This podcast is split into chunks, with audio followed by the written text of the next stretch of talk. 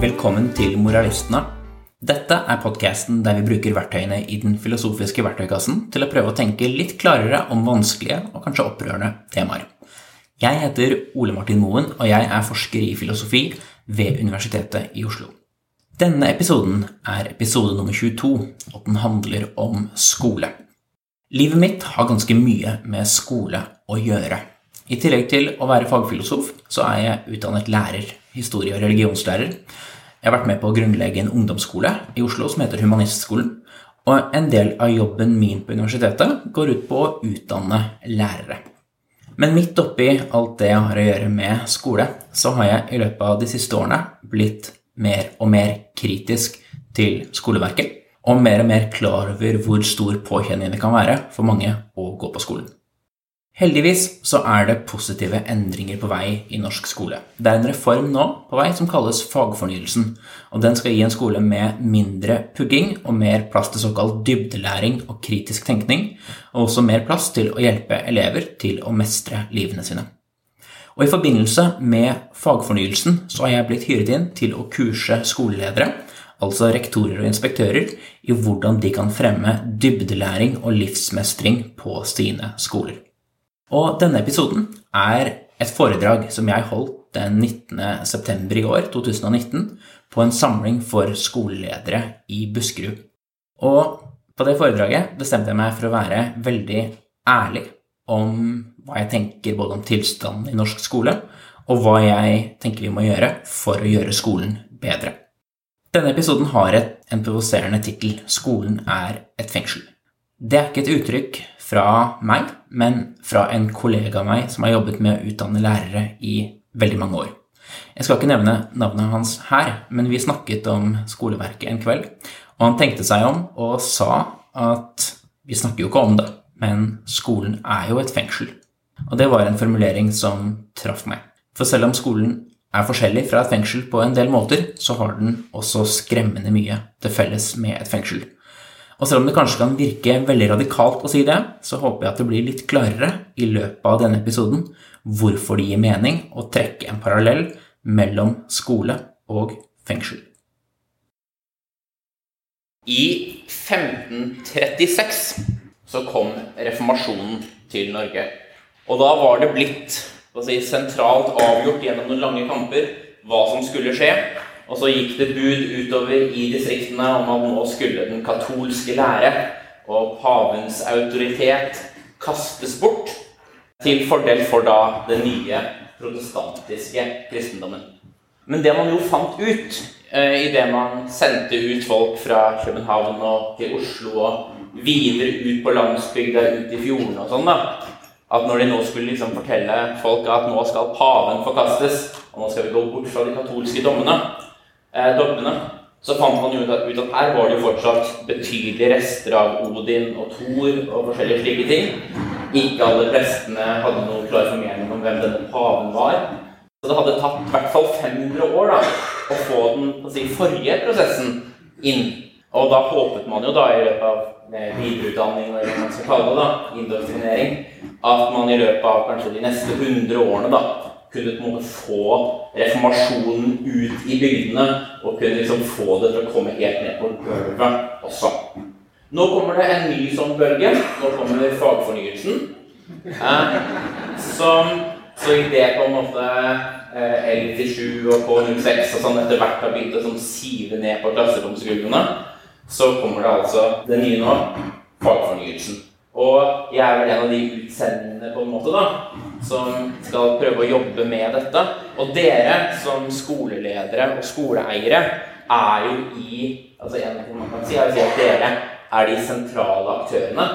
En annen måte å si det på er jo at dere som ledere på skolen og lokalt, men mellomledere i systemet som helhet, er i den herlige posisjonen at dere ikke bestemmer hva som skal gjøres, men dere har ansvaret for at det skal bli gjort.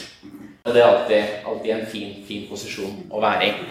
Um, så de temaene jeg skal snakke om i dag, og som er to av de sentrale temaene i fagfornyelsen, er dybdelæring og livsmestring.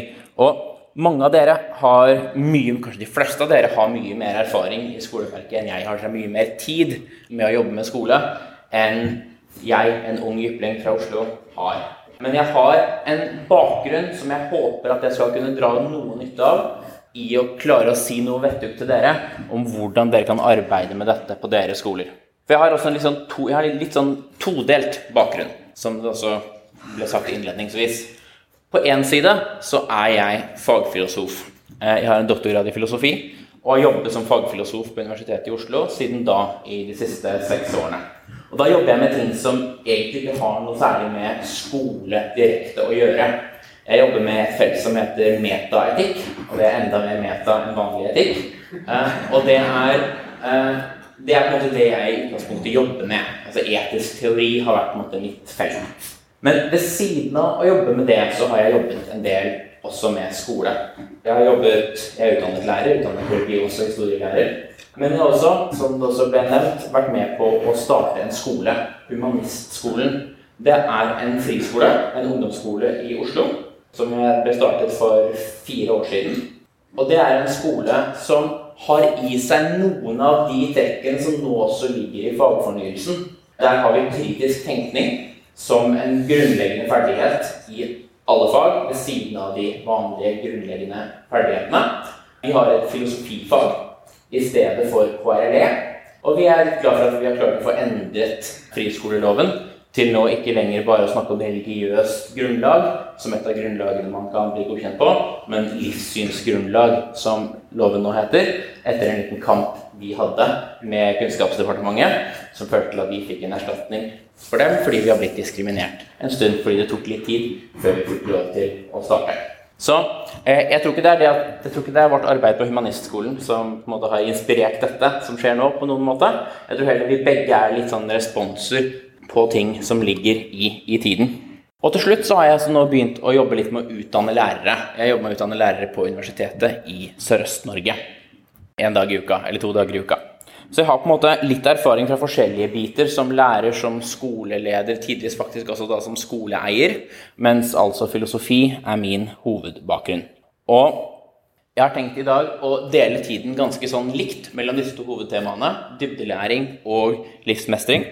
Målet mitt er å pakke disse begrepene litt ut, si litt om hva de betyr. Jeg skal prøve å være så konkret jeg bare kan. Jeg har fått en overdose av vag pedagogisk teori i løpet av mine år. Det er altfor mange plansjer der du har et eller annet fint ord i en boble, så har du en pil til et nytt annet fint ord i en boble. Du har læring, så har du eleven, og så har du mestring, så har du samarbeid, og så har du hjemmet, og så har man helheten, så har du et eller annet annet foresatte. Og så kunne man tatt inn hvilket som helst ord og satt pilene på akkurat de måtene man ville, så hadde det gitt akkurat like mye mening. Jeg skal ikke komme med noen slike ting til dere i dag. Jeg skal prøve å være veldig, veldig konkret. Jeg skal komme med forslag til hva dere kan gjøre. Noen av forslagene vil handle om ting man kan gjøre i klasserommet. Men jeg skal også prøve å si litt om hva man liksom som skoleeier og skoleleder da, spesifikt kan gjøre. Dere spiller en litt annen rolle i dette, har et litt annet handlingsrom enn hva enkeltlærere har på én side, og hva politikere har på motsatt side. Så først dybdelæring. Det er et begrep som har kommet mer og mer inn i diskusjonen om skole og utdanning de siste kanskje rundt ti årene. Og dybdelæring skilles gjerne fra det som kalles overflatelæring, som er læring av konkrete fakta. Så hvis det jeg skulle gjort i dag, er å gi dere overflatelæring om dybdelæring, så hadde jeg fortalt dere navnene på alle de som har skrevet om dybdelæring. Fortalt dere navnene på bøkene som de har skrevet. Jeg hadde fortalt dere hvilket år de forskjellige ble skrevet. Kanskje sagt litt om hvilke andre verk eh, som nevner dybdelæring. Kanskje jeg hadde nevnt bare noen definisjoner av dette som jeg ikke knyttet sammen. Jeg hadde bare gitt dere masse sånn konkret faktakunnskap som hvis dere er gode, så husker dere det i 30 sekunder om dette fenomenet uten at dere hadde fått noen dypere forståelse for hva vi egentlig snakker om når vi snakker om dybdelæring. Men det jeg skal prøve å gjøre i stedet, er å prøve å gi dere litt dybdelæring om dybdelæring. fordi det er mye mer interessant. Jeg skal, jeg skal begynne med noen, noen eksempler på, på en måte skille mellom dybde og overflate som jeg støtter på da jeg begynte å jobbe som lærer i, i skoleverket da i, i Bærum. En opplevelse jeg hadde, handlet om den industrielle revolusjon. Da skulle elevene på en ungdomsskole ha prøve i dette den neste timen. Og jeg hadde da i oppgave å på en måte oppsummere dette for dem i timen som var forut. Og jeg tenkte at hei, dette, dette temaet kan jeg for så vidt litt om, det er ikke helt spesialiteten min. Men faget mitt som jeg tok mastergrad i før jeg gikk til filosofi, var idéhistorie. Jeg jobbet med Storbritannia på 1800-tallet. Så jeg har følt at dette har jeg en viss oversikt over. Og jeg prøvde å finne ut okay, hvordan kan jeg få elevene til å skjønne det essensielle ved industrialisering.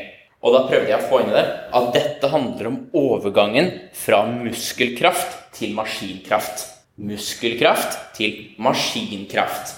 Prøvde å gjøre det veldig tydelig og veldig enkelt. Prøvde å se på okay, hva i omgivelsene rundt elevene er det som hadde vært annerledes hvis det ikke hadde vært noen maskiner. Hvilke ting er det som vi kan se rundt oss i klasserommet som er maskinelt og industrielt laget? Og hva var det som var likt med hvordan da 13-åringer hadde det før industrialisering, og hvordan 13-åringer har det nå? Hvordan, hvordan, var det med klær? Hvordan var det med mat? Hvordan var det med hus? Hvordan var det med menneskelige relasjoner ellers? Hva hadde egentlig dette å si for hvordan man bodde, og hvordan man levde, og hvordan man hadde det? Og jeg var veldig fornøyd med meg selv. Jeg har laget et fint opplegg om dette. Jeg gikk rundt i klasserommet og forklarte og viste og prøvde å knytte dette sammen for elevene. Og så var det friminutt, og i neste time så kom læreren som egentlig hadde denne klassen, og delte ut prøven. Og absolutt ingenting av det jeg hadde sagt, var relevant for det som ble spurt etter på den prøven. For på den prøven ble det spurt om veldig konkrete fakta.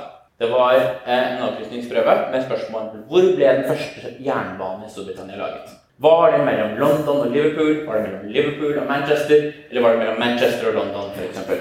Og litt tilsvarende ting om Norge også. men helt overflatekunnskap.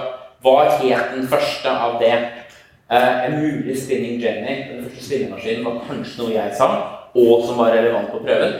Men denne overordnede forståelsen kom på en måte ikke gjennom til det som ble spurt om i den prøven, som altså handlet om den industrielle revolusjonen. Så det var ett lite møte jeg hadde med skillet mellom overflatelæring og dybdelæring. Et annet som jeg vil nevne som var utenfor skoleverket, det er en liten opplevelse jeg hadde i Oslo tingrett. Jeg satt der og så på en av eh, rettsrundene etter terroren 22.07. Og der var det en eh, jente, hun gikk også på ungdomsskolen. Hun var veldig opptatt av og interessert i denne tematikken. Hadde fått fri en dag for å kunne være der og se på hva som hendte i retten. Og jeg ble sittende og snakke litt med henne eller sånn i pausen og slik, om dette her. Hun var veldig veldig opptatt av samfunnsfag, så dette var veldig spennende. Og hun hadde jo da lært alt mulig på skolen om at du har, liksom, du har tingretten, og du har lagmannsretten, og du har høyesterett, og du har høyesterettsjustitiarius, som alltid er et morsomt ord. Og du, du, har, du lærer mye om hvor, hvor er det meddommere, hvor er det ikke meddommere. Hva, hva, heter den loven, hva heter den loven? Så hun hadde jo kunnet masse om dette. Men så snakket vi litt om hva er det egentlig vi gjør med et Hvorfor har vi, hvor har vi et rettsvesen? Hva i verden er en rettssak egentlig? Og sitte og snakke litt med henne om at okay, vi har jo Stortinget som vedtar lover. Det, det har man jo lært på skolen. Men disse skal jo opprettholdes. Og det man egentlig gjør, da, som vi snakket om, det er jo å prøve å ha en viss kontroll på tvangsmakten, eller vil voldsmakten, til staten. Hvordan er det den skal bruke sine pistoler og sine geværer og sitt politi i enkeltsaker? Staten kan være skikkelig brutal. Den kan låse deg inne for resten av livet. som du gjør i denne saken her sånn. Og for at vi skal passe på at det går ordentlig for seg, så har vi laget en sånn prosess hvor enkeltsakene, for å måle dem opp mot lovverket, så setter vi oss ned, og så har vi en, en sånn teatralsk forestilling der én sak blir representert, og en annen sak blir representert.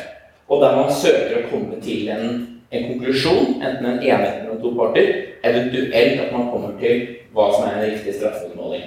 Og det å på en måte snakke om litt helheten her, da, hvorfor har vi dette? Hva er dette godt for? Hvorfor, hvorfor har vi en rettssak? Hvorfor sitter vi her sånn? Det var noe som hun syntes var veldig fascinerende å snakke om, og som de ikke hadde snakket om på skolen. For da hadde man snakket om de konkrete si, nivåene i forvaltningen og hva de het og slike ting. Og så til slutt, en bare en liten ting. Dette er ikke så veldig lenge siden. Jeg var vikarlærer i KRLE, og da hadde vi jo filosofi. Da hadde vi satt av filosofiøkten til jeg skulle være der.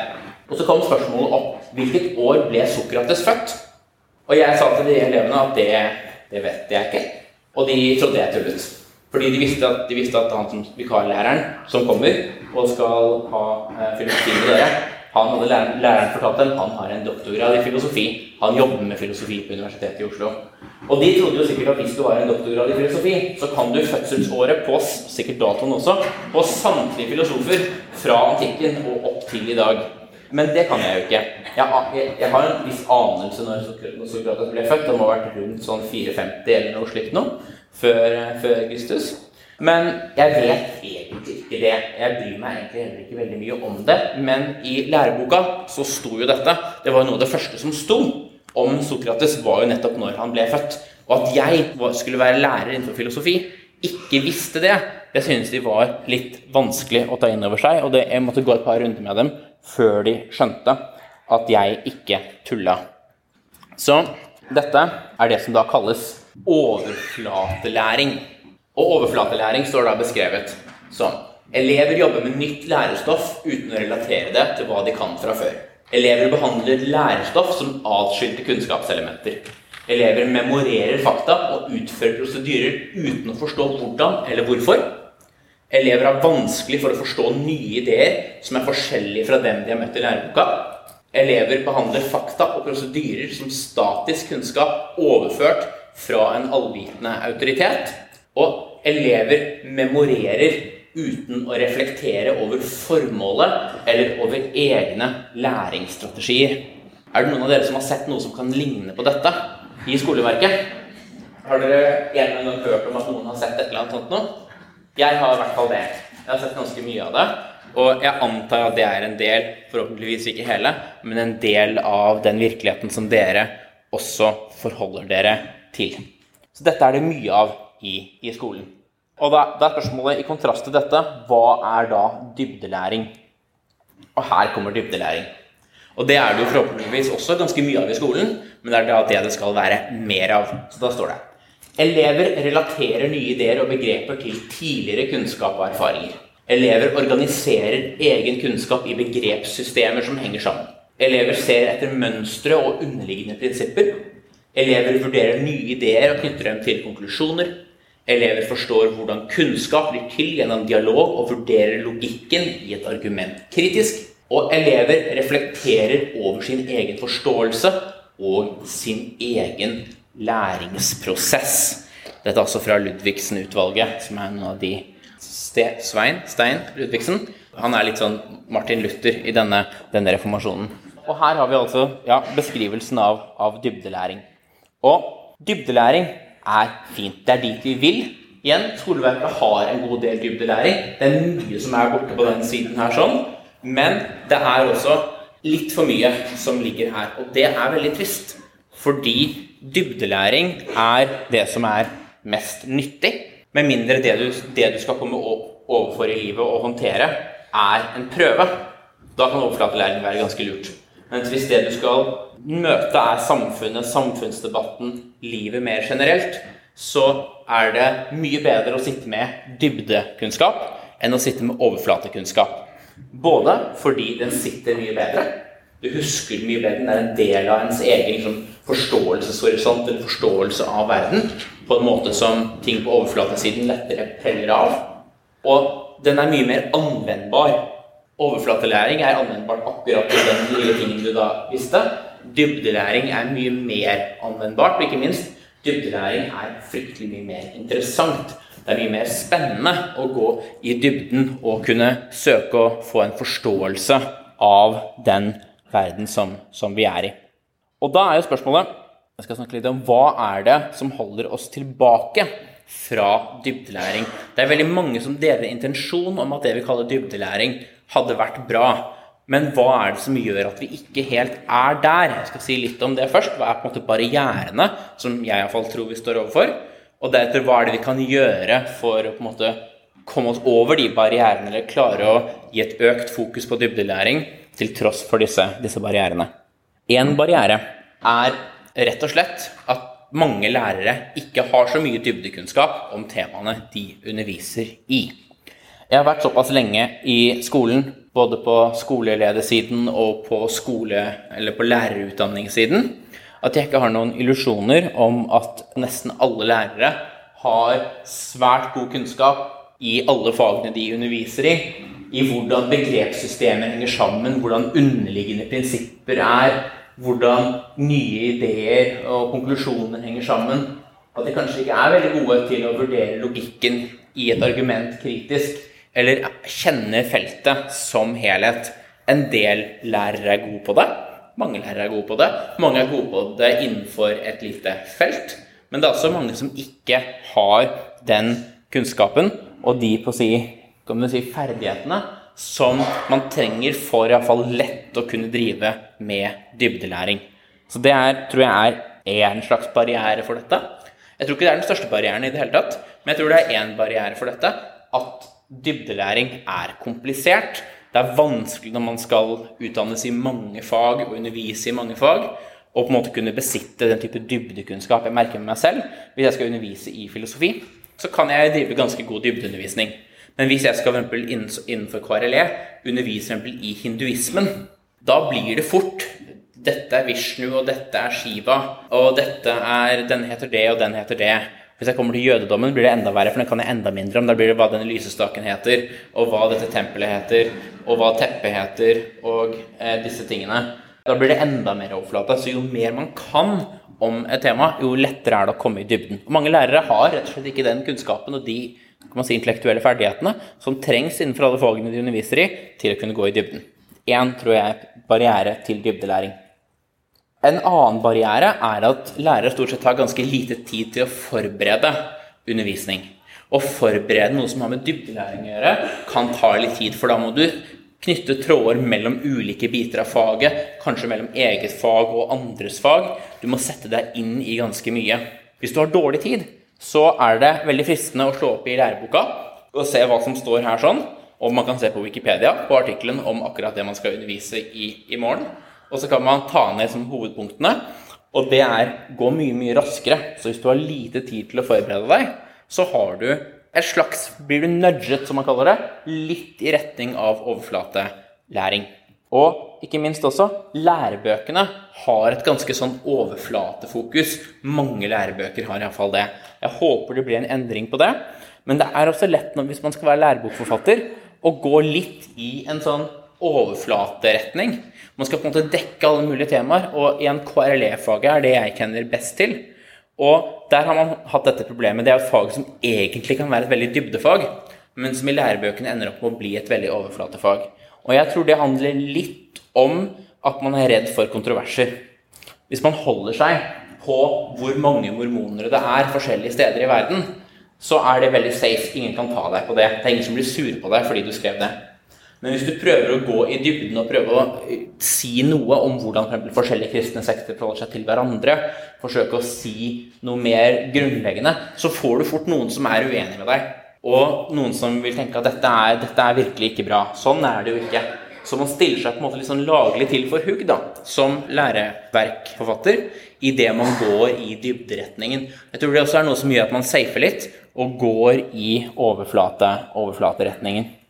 Så det er noen, Den siste faktor som jeg tror kan være ganske viktig, handler om, om vurdering. For når vi er lærere, så må vi sikre oss vurderingsgrunnlag. Helst i alle hovedområdene i løpet av året. Og det er slik at dybdelæring lett kan bli en faktor som kan lide litt hvis vi driver med hyppig vurdering, og i hvert fall hvis vi har lite tid til å drive med vurdering. Fordi hvis jeg skal som sagt, sikre meg karaktergrunnlag, så er det veldig lett å bare ta opp boka og ta noen fakta fra boka og be elevene om å huske dette. Det går fort for meg å lage prøven. Det går fort for meg å rette prøven. Og det er veldig lite rom for å kunne klage på karakteren. Eh, snakker altså om der det er karakteren altså fra ungdomsskolen. da. Det er veldig lite rom for å kunne gjøre det fordi du fikk 10 av 18 poeng, og da kom du der på karakterskalaen. Mens hvis du skal gi en mer dybdelæringsoppgave For det første tar det da lengre tid for meg som lærer å lage denne oppgaven. For det andre, så når jeg da får det tilbake, tilbake igjen, så får jeg en tekst som kan være ganske vanskelig å rette. Er dette en treer? Er det en firer? Er det en femmer, egentlig? Hvordan vurderer jeg det? Hvis du får en klage på dette Det er et større skjønnsgrunnlag, et større rom for skjønn idet man går i retning av dybdelæring. Og det, dette er på en måte det jeg ser på litt sånn som strukturelle faktorer som er med på å dytte oss i retning av overflatelæring, og som vi på en måte må prøve å stå litt imot da, hvis vi skal komme til, til mer, mer, dybdelæring. Og det første jeg vil si, er at jeg tror det er jeg skal si på hvilken, en, en ting er at dette, dette fokuset på vurdering og vurdering av overflatekunnskap En ting er at det er noe lærere fort faller til å gjøre. Et annet problem, eller det som jeg tror kanskje det største problemet med det, er hva det gjør med elevens egen læringsprosess. Fordi hvis du skal lese en roman På skolen så får du en roman som du, skal lese. Og da har du jo på en måte Hvis du bare kan sette deg ned og lese denne romanen, så kan du deg, kan du kose deg med den og finne ut hva er det egentlig jeg får ut av denne. Minner denne gamle damen i romanen meg egentlig om min bestemor? Har de noe egentlig til felles? Dette her presenterer jo virkelig dilemmaer knyttet til ærlighet, f.eks på en veldig interessant måte. Her er det noe veldig gjenkjennelig. Jeg syns disse beskrivelsene treffer veldig godt den opplevelsen jeg også har når jeg opplever å være i en familiemiddag jeg helst ikke vil være i, eller hva enn det skal være. Altså, Du kan på en måte komme deg inn i skjønnlitteratur på en god måte og føle at det øker ens eget erfaringsgrunnlag i verden, så man nesten får lov til å få innblikk i flere liv enn de man ellers lever. Men hvis det du skal gjøre, er at du må skrive en liten rapport om denne boka, der du skal oppsummere plottet, og du skal si hva hovedkarakterene heter, og den skal leveres i morgen kveld, og du får en karakter på den, så står disse Det å faktisk sette seg inn i og nyte dette verket, står i litt konflikt til det å skulle klare å gjøre det bra på den prøven. Og hvis du må gjøre det bra på den prøven, så er det slik at da har du et insentiv til å lese gjennom denne boka og prøve å finne ut akkurat det du trengte å vite for å få svart, eller for å få skrevet den lille rapporten du skulle skrive.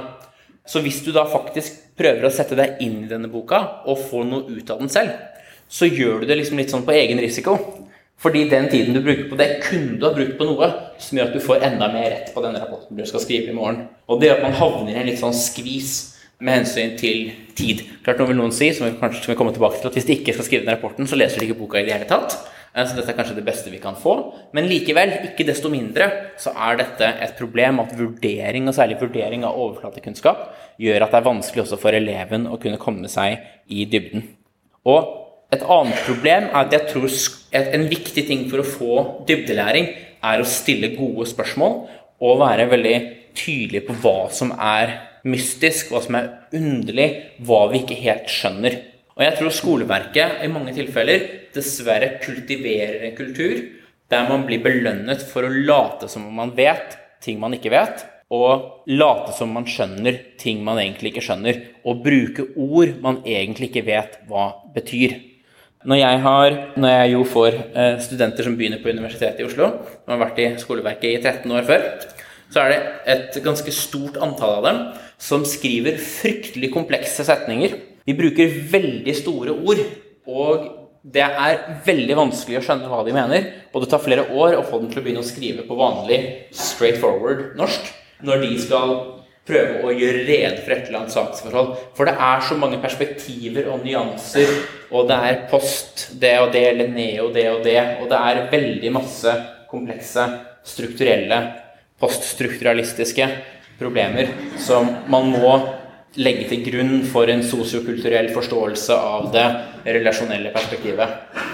Og de, det her har man fått mye cred for i skolen, og det får man ikke mye cred for, i hvert fall på filosofi. Filosofi er et ganske no nonsense-fag, og kanskje i motsetning til hva, hva noen tror.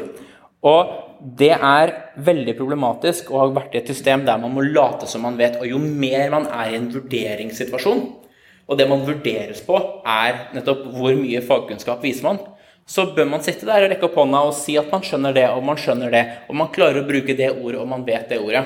Og det er skikkelig trøbbel, fordi det vi trenger for å komme i dybden, er å være veldig tydelig på hva vi ikke vet, hva vi ikke skjønner. Vi ser ikke hvordan dette her sånn henger sammen. Så en kultur hvor man altså må vise kunnskap man ikke har, gjør det vanskeligere. Så det er spørsmålet hva er det med gitt alt dette her, da, hva er det vi kan gjøre for å få mer dybdelæring? Én ting vi kan gjøre Jeg skal gi en litt bare sånn, gi en del praktiske eksempler som dere kan notere ned hvis dere vil, eller tenke på. Én ting vi kan gjøre for å klare å knytte verden litt mer sammen for elevene, det er å knytte det som man skal lære om på skolen, til ting som skjer i samfunnet og samfunnsdebatten. Jeg tenker noen ganger på at vi skal jo lære elevene å håndtere verden der ute. Og Derfor lager vi en boks som de må være inni hele tiden i 13 år, slik at de skal være klare til å være i verden der ute. Og jeg syns det er litt sånn paradoksalt. Så jeg tenker at en, en, ting, å, en ting, man kan gjøre for å måte, få dette mer dybdeperspektivet på undervisningen, er å bruke tiden på skolen til å vise elevene hva er det som skjer i samfunnsdebatten. Hva er det vi snakker om, hva er det vi tenker på, hva er det vi lurer på? Og prøve å forklare dette for dem, og gjerne også invitere dem til å være med i en diskusjon om hva som foregår der ute i den virkelige verden. For det er jo ute der, ute i villmarken, de skal etterpå, og den er det ikke så mye utsatt for, for på skolen. Og for eksempel, da, her er en artikkel som jeg så i uh, The New Yorker for et par dager siden, som heter 'What if we stop pretending'?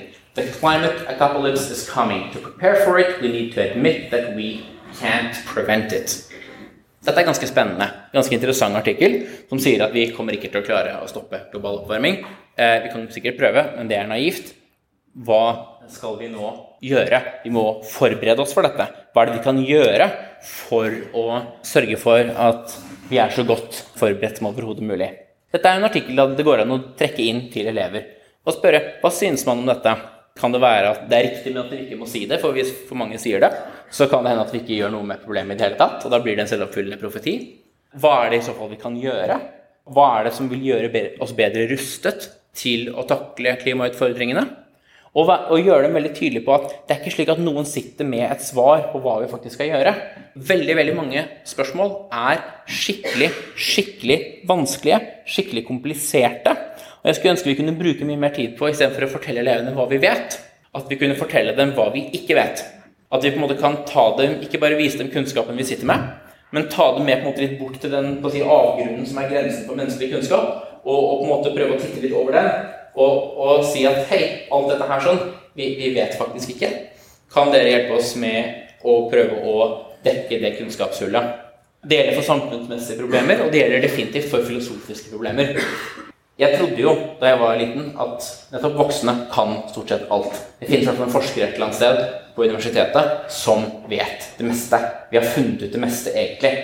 Men nå er jo jeg da selv blitt forsker på universitetet, og har funnet ut at det er svære, grunnleggende ting om verden som vi ikke vet. Vi aner ikke hva tid er, vi aner ikke hva rom er, vi aner ikke om farger egentlig finnes, eller om de bare finnes om det finnes i objektene rundt oss, eller bare i opplevelsene våre. Vi vet ikke hvor frie vi er, om vi har fri vilje, hva vi er moralsk ansvarlige for, om det finnes en gud, hva som skjer etter vi dør. Vi vet egentlig ikke. Vi aner ikke. Vi har noen teorier. Vi vet at noen teorier om det antagelig er ganske dårlige, men det er masse åpne spørsmål vi vet rett og slett ikke. Vi har ikke noe tydelig svar på dette. Og det er, måte, det er litt synd at man oppdager det først når man kommer inn på universitetet. Fordi i hele systemet under så har jeg fått følelsen av at det sitter en eller annen fyr i dress et eller annet sted og har funnet ut dette. Og at skoleverket handler om å skulle på en måte bare få Dette er en sånn veldig komplisert prosess for å bare få de konklusjonene nedover. Og det er tidvis det rette svaret, men det er også et, definitivt et problem at det er store kunnskapshull vi mennesker har, og prøve å vise dem hva vi ikke vet, og spørre dem hvorfor vet vi ikke dette, snarere enn bare, bare vise dem hva vi vet, tror jeg kan være en god vei inn. Det er nettopp også dybdelæring. Det handler om hvorfor og sammenhenger og forståelse, snarere enn bare isolerte fakta. Så én ting er jo å bruke sånne ting som The New Yorker og slike ting. Hvis elevene er så gode i engelsk at de kan lese engelske artikler, hvilket jeg tror det er kjempeviktig at de er, og som jeg tror flere og flere også er, helt uavhengig av engelskundervisningen på skolen, så går engelskferdigheten i Norge veldig veldig opp. Eh, da går det an å bruke masse internasjonalt, men det er også en del ting i Norge vi kan bruke. Jeg er litt sånn, sånn filosofi-bias, så det er på en måte det jeg kan mest. Men sånn som eksempel Morgenbladet har noe som kalles en logikksjekkspalte. Der to filosofer på Universitetet i Bergen går gjennom ting som har vært sagt i det offentlige ordskiftet i det siste, og skriver en litt sånn kort artikkel om hva, hva er det egentlig som skjer i denne diskusjonen, og prøver å ta det litt fra hverandre. Veldig bra for undervisning. Eh, verdibørsen, der jeg har vært med i en del episoder, kan definitivt brukes for å diskutere temaer som er i vinden. Der tar man tak i ting som skjer i samfunnsdebatten, får aktører som kan noe om dette, til å diskutere dette på en klar og tydelig og god måte. Og bruke dette og koble elevene på det som skjer der ute, tror jeg er kjempe, kjempeviktig. Hvis man er norsklærer, kan man ikke få elevene til å høre på podkasten NRK Bok, f.eks. En utrolig bra podkast som diskuterer litt hva som skjer i norsk samtidslitteratur og i oversatt litteratur. Eller bruke også kulturprodukter mer generelt, bare enn litteratur også. Er det noen her som har sett serien Black Mirror?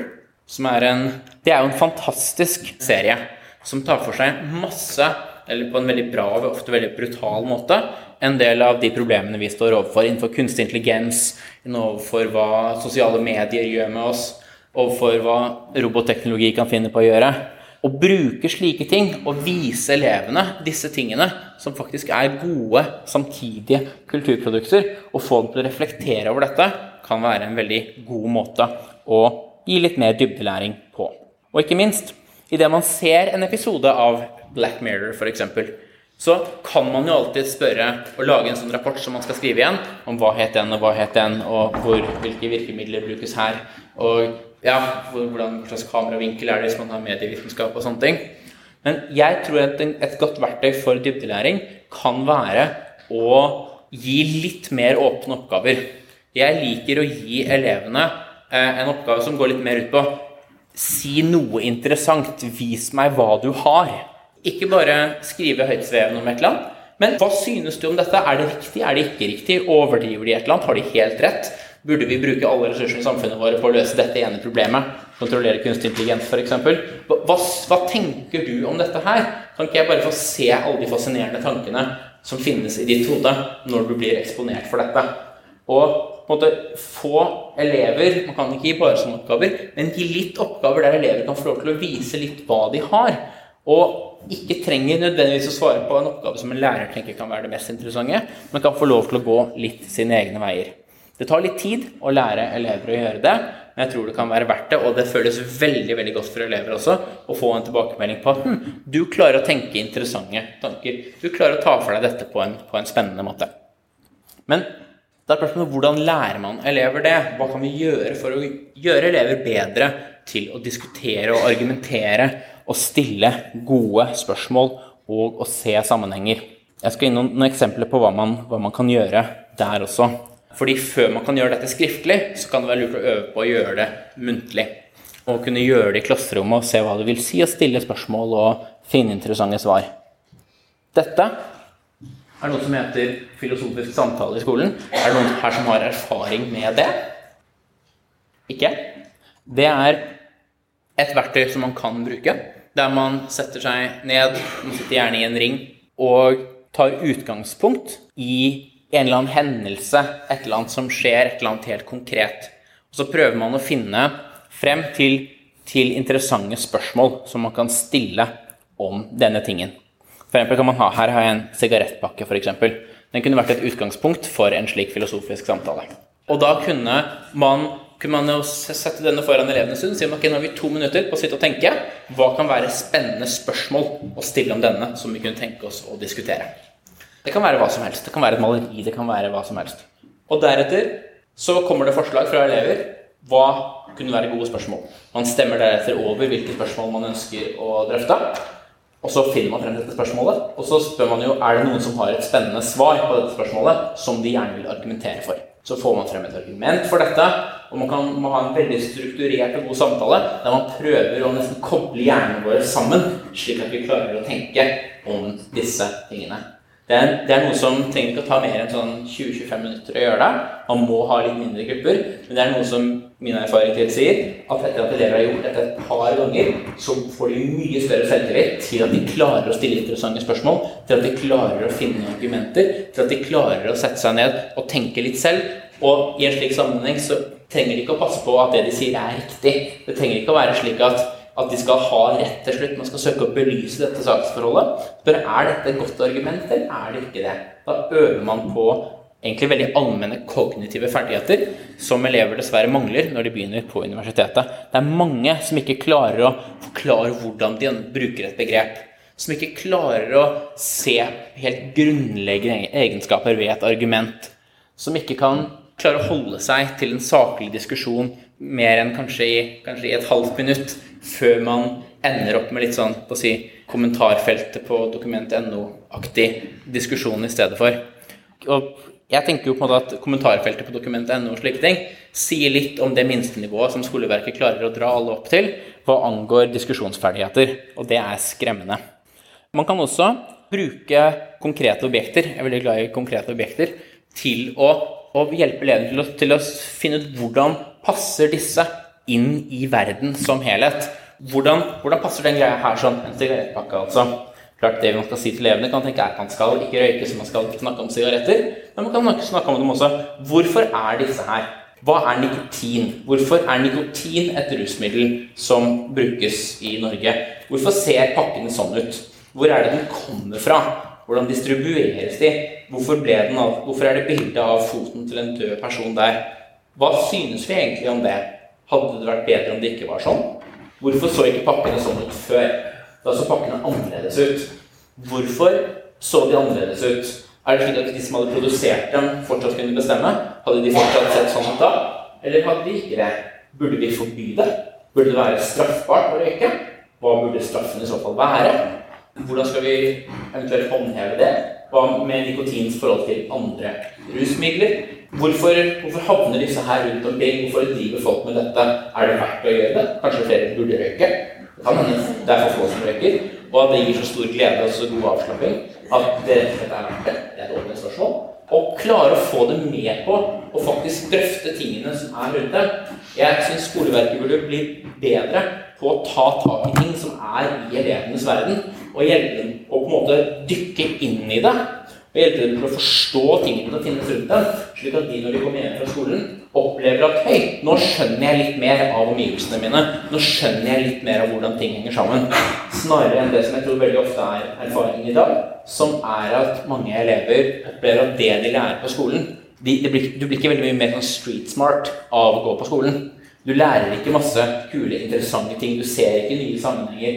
Så veldig mye av å lære det du kan på skolen. Så ta tak i ting i elevenes omgivelser og hjelpe dem å grave seg inn i det, tror jeg kan være et, er ofte et veldig, veldig godt verktøy. En annen ting man kan gjøre, er en tredje eller fjerde ting, eller hvor enn vi er, det er å la elever som ønsker å fordype seg i et tema, få lov til å fordype seg i det. Så hvis noen er veldig opptatt av fantasy, eller opptatt av spill, eller i naturen, eller i fremtiden, eller i teknologi, eller verdensrommet, eller anarkisme, eller hva enn det skal være for noe, så er det veldig, veldig fint om de får lov til å dykke litt ned i det. Og dette knytter seg til et viktig, litt mer generelt poeng, nemlig at de tingene vi ønsker å komme til innenfor dybdelæring, de kan man nå fra ganske mange forskjellige typer overflater. Man kan spørre seg hvis, jobber, hvis, hvis klassens rebell jobber med anarkisme, hvordan lærer de da det de skal lære? Og hvis det du skal lære helt konkret, handler om innføringen av parlamentarismen i 1884, så er det ikke sikkert vedkommende lærer så mye. Mens hvis du skal, hvis du skal ha et mer, mer dybdelæringsperspektiv på det som skjer, så har det ikke alltid så veldig mye å si hva som er den konkrete overflaten du ser på. For det er mange forskjellige konkrete overflater som alle kan lede ned til de samme relevante dybdene. Det gjelder på én side med at elever får grave seg litt, mer tid til å grave seg ned i ting de er interessert i. Fordi alt henger sammen med alt. Verden er ikke delt opp i fag eller ting. Alt henger sammen med alt. Så kan du et felt veldig, veldig godt, så kan du faktisk ganske mye om det som er omkringliggende også. Ikke minst er man mye mer, mye mer motivert for det. Og dette samme gjelder lærere også. Jeg har veldig tro på, i den grad det er mulig, å gi lærere den friheten de trenger for å kunne undervise i det de er gode på. Hvis det er en lærer som kan masse om et felt eller en problemstilling, så er det veldig trist om den gleden og entusiasmen som ligger der, ikke får komme til uttrykk fordi alle for skal undervise i akkurat det samme hele tiden. Jeg tror at mye av den samme, denne dybden igjen, da, den kommer vi til ved at lærere og elever jobber med ting de er interessert i, og etter hvert kan ganske mye om. Det er da vi kommer til dybdene, så vi må passe på at vi ikke i det systemet vi er i, fjerner eller mulighetene for nettopp å kunne gå, gå i dybden. Og til sist ta inn folk utenfra. Det er eller dra ut til folk med elevene. Og hvis man skal dra ut og man skal oppleve noe, så er det ikke alltid nødvendig synes jeg, å ha med et sånt ark med sånn skjema hvor man skal fylle ut informasjon. Når du er på et museum og skal se på noe, så skal du fylle ut at det maleriet het det, og det maleriet henger der, og slike ting. Da får du ikke nytt denne, denne utstillingen. Det å få folk, få elevene ut i verden og få interessante mennesker tilbake igjen i klasserommet, er veldig verdifullt. Og i hvert fall hvis de som kommer til klasserommet, får snakke litt, er bra, interessante mennesker som får snakke litt om hva er det de syns er fascinerende. Hva er det de lurer på? Hva, hva, slags spørsmål er det de går og grubler på? Hvis det er en forsker, for eksempel, da, hva er det de prøver å finne ut av? Hvorfor klarer de ikke å finne ut av det? Hva har de å si for verden rundt? Det er massevis av forskere som er veldig glad for å komme på skoler. Mange forfattere er glad for å gjøre det. Og å vise dem verden ved å trekke inn folk på den måten, tror jeg også kan være veldig, veldig viktig og bra for, for elevene. Og da er spørsmålet hva er det, hva er det dere da, som skoleledere, skoleeiere, kan gjøre for det? Og jeg har ikke alle, alle, svarene på hvordan dere kan gjøre det. Dere kan selvfølgelig prøve å snakke om disse måtene å undervise på. Men noe av det jeg tror er viktig for å få det til, er å kanskje noen ganger lette vurderingstrykket litt og skulle ha veldig mye vurdering hele tiden, gjør det veldig vanskelig for læreren også å kunne gå veldig i dybden. Hvis man tolker hvert kompetansemål veldig veldig smalt, og som noe som bare skal dekkes, så er det veldig vanskelig å gå i dybden. Kanskje man kunne fått Man kunne egentlig ha fått Karl Ove Knausgård til å komme på skolen og snakke om eh, hans måte å skildre verden på. Men vi kan ikke det, for vi skal ha nyrealismen. Så, og det er jo det læreplanmålet nå sier, så dessverre, vi må si nei. Eksempel. Ikke det at han er lett å få tak i på en skole, men jeg tror vi går glipp av veldig mye ved å ha den litt rigide strukturen. Og det vi også må spørre oss, er hvorfor er ikke den overordnede delen av læreplanen, som er mye mer dybdeorientert, hvorfor er ikke den mer til stede i det som skjer på skolen? Vi setter opp forskjellige læreplaner for forskjellige økter, men hvor blir det av disse overordnede tingene? Hvorfor kan ikke de settes inn også, som noe vi faktisk skal dekke, og som egentlig, som noe overordnet, faktisk skal være viktigere? Det er at de overordnede tingene vi ønsker å oppnå, de individuelle målene i fagene, selv om de er viktige, er en del av en større helhet. Men dessverre er det veldig ofte slik at det er de helt konkrete tingene bare som på en måte siver ut til det som skal undervises om, og det som blir vurdert. Så jeg tror det å bruke den overordnede delen mer aktivt og si at hei, når skal man jobbe med dette? Når skal man jobbe med dette? Hva er muligheten for dette?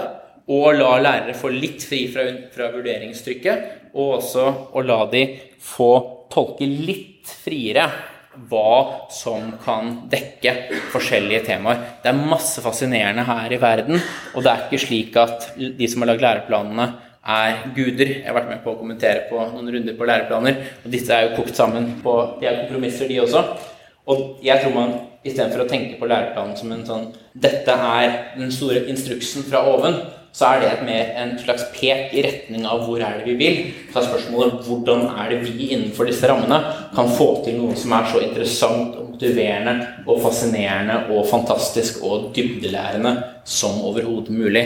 Det er det jeg tror vi burde se på som på en måte utfordringen vår da, i det vi skal, skal planlegge, planlegge undervisning. Da går vi over til del to, som altså handler om livsmestring. Og hva er livsmestring? Det har Utdanningsdirektoratet vært så snille at det har de fortalt oss.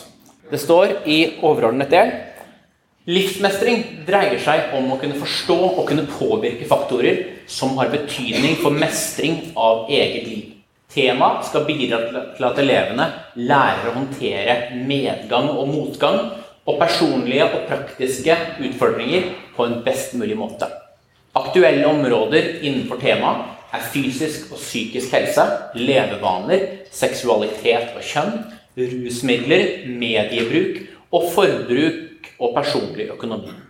Verdivalg og betydningen av mening i livet, mellommenneskelige relasjoner, å kunne sette grenser og respektere andres, og kunne håndtere tanker, følelser og relasjoner, hører også hjemme under dette temaet. Så Det er da overordnet del av læreplanen, punkt 2.5.1. Og hva betyr dette? Hva er det egentlig dette innebærer? Hva, og for å prøve å pakke dette her temaet litt ut Det høres jo veldig fint ut. Um, for å pakke dette litt ut og sette det i kontekst, så skal jeg prøve å gjøre det på en måte litt mer personlig. Her ser vi et bilde fra en skole i Oslo. Og de to som vi ser foran her, det er mine to barn som akkurat har begynt på skolen. Begynner i, i, i første klasse nå. Dette er da første skoledag. Og det jeg jo som, eh, som foresatt, eller forelder, som det heter i hele resten av verden, bortsett fra akkurat på skolen, eh, som forelder, eh, så må jeg spørre meg hva er det som er viktig for meg? Hva er det viktig at de får ut av å skulle gå på skolen? Hva er det, hvordan er det jeg skal ønske at de får det når de blir eldre, etter hvert ungdommer og så voksne? Hva er det egentlig som betyr noe? Og på én side så er det viktig at de har kunnskap, at de har faglig kunnskap, at de kan få en jobb som de, er, som de kan ha det bra med og være fornøyd med og bidra konstruktivt i. Men det er også ganske mange andre ting enn det som er viktig for meg som forelder. Det er viktig at de er lykkelige og tilfredse. At de ikke går rundt og er stresset hele tiden. At de klarer å slappe av, koble av. At de klarer å bygge og ta vare på relasjonene til menneskene rundt seg. At de er motiverte, at de ikke er utbrente. At de er snille, nysgjerrige, de klarer å sette grenser. De klarer å ha gode kommunikasjonsferdigheter. Klarer å snakke både om hva de vil, og hva de føler, og hva de forventer av de som er rundt dem. Jeg skulle ønske at de ble flinke til å kunne håndtere vanskelige ting når de kommer i livet. Håndtere sorg, håndtere stress, håndtere angst, håndtere kjærlighetssorg håndtere. Kanskje hvis man har en depressiv periode, vite at klare å kjenne igjen det. Klare å skjønne at og hvor man kan søke hjelp. Klare å benytte seg av, av nettverket rundt når noe slikt skjer. Og at de kan klare å hjelpe til med å bygge et godt sosialt miljø rundt seg. Klare å ta ansvar. Klare rett og slett å leve, leve gode, gode liv. Dette er noen eksempler da, på ting som er viktig for meg som forelder, og noe som jeg tror er viktig for de aller, aller fleste foreldre. Fag betyr noe, men det betyr på ingen måte alt. Og da er jo et spørsmål hvorfor er det så lite fokus på livsmestring i skolen? Hvorfor er det så stort, nesten eh, et, et overveldende fokus på det man kan kalle da faglig læring? Og hva er, på en måte det som, hva, hva er det som gjør at vi på en måte har havnet der? Og jeg tror, I stad snakket vi om, om, strukturelle faktorer som gjør at vi ikke kommer dit vi vil. Fordi de fleste er jo enige, sånn som med dybdelæring. Det hadde vært veldig veldig fint om skolen kunne hjelpe elever til å bli flinkere til å kunne mestre sine egne liv og kunne mestre utfordringene de kommer til å stå overfor i årene fremover, og være med på å bygge et godt sosialt miljø.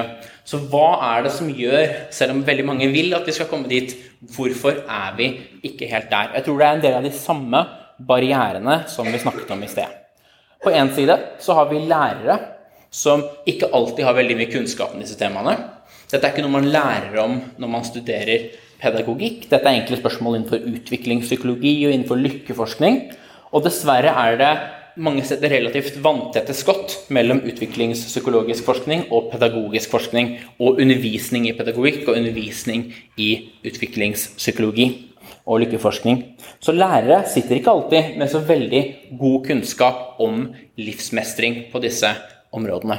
Så det er én utfordring. En annen utfordring er at lærebøkene sier fint lite om dette. Det er noe om det.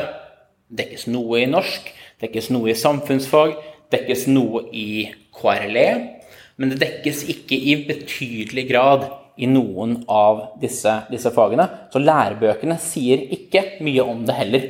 Så hovedressursen som vi som lærere har til å kunne formidle kunnskap til elevene Veldig mange er jo knyttet til læreboka. Der står det ikke så veldig mye om dette. Forhåpentligvis vil det skje endringer der også, men slik situasjonen er i dag, så er det ikke mye gode råd om livsmestring i lærebøkene. Og til slutt så er dette noe som det er vanskelig å kunne få plass til i skolehverdagen. Det er ikke lett å måle det, det er ikke lett å vurdere det. Det er noe som hører hjemme i den overordnede delen av læreplanen, men som i mye, mye mindre grad er til stede i de konkrete kompetansemålene som får dominere skolehverdagen. Så jeg tror det er en del av de samme strukturelle forholdene som gjør at livsmestring får en såpass liten plass, selv om det, på lik linje med dybdelæring, er veldig viktig. Så da er jo et spørsmål hva er det vi kan gjøre for å hjelpe elevene til bedre å mestre sine liv? Og en ting vi jo kan gjøre, er å rydde plass til det på skolen.